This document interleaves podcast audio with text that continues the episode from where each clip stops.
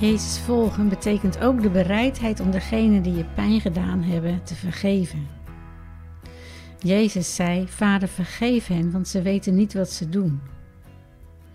Ik hoorde onlangs het verhaal van een man uit Korea die was tegengehouden door een man met een pistool die zijn geld wilde.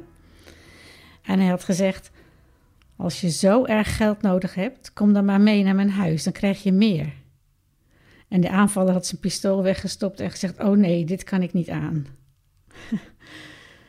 nou, als Jezus zegt: Heb je vijanden lief, doe goed aan wie je haten, dan vraagt hij dat niet aan ons, zodat we dat uit eigen kracht zouden doen.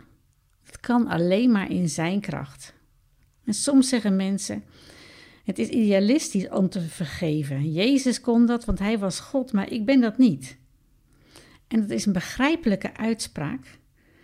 Maar weet je, Jezus kan ieders hart doorstromen met zijn geest van vergeving.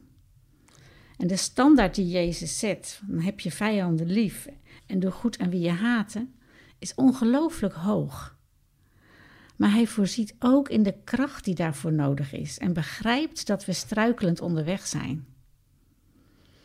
Pijn kan zich keer op keer aandienen, ook als je vergeven hebt of richting vergeven gaat. Mij helpt het altijd om in mijn hart te zeggen: Heer, ik kan nu nog niet vergeven, maar ik zou het wel willen. Wilt u stap voor stap meegaan? Ik vertrouw erop dat het net als een ui is die steeds maar kleiner wordt als er weer een schil afgaat.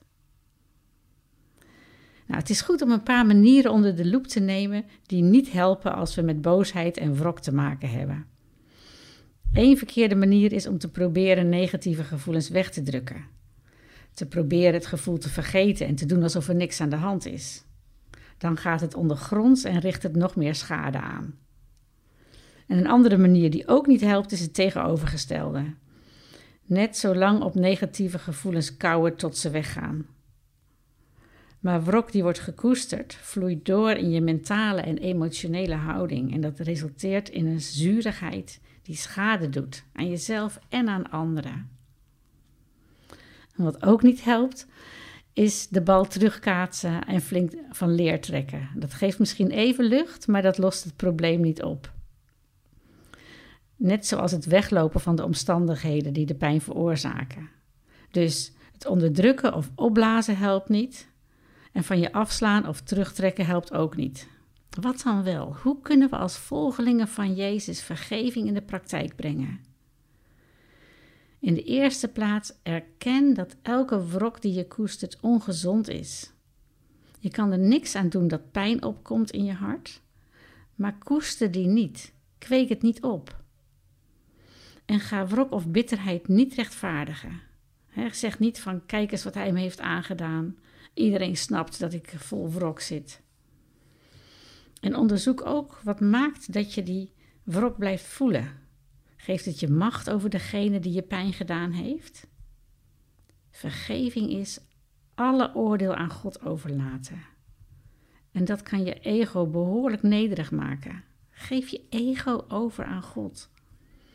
Beleid het als er wrok in je lijf en leden zit en vraag hem vergeving voor het koesteren van wrok.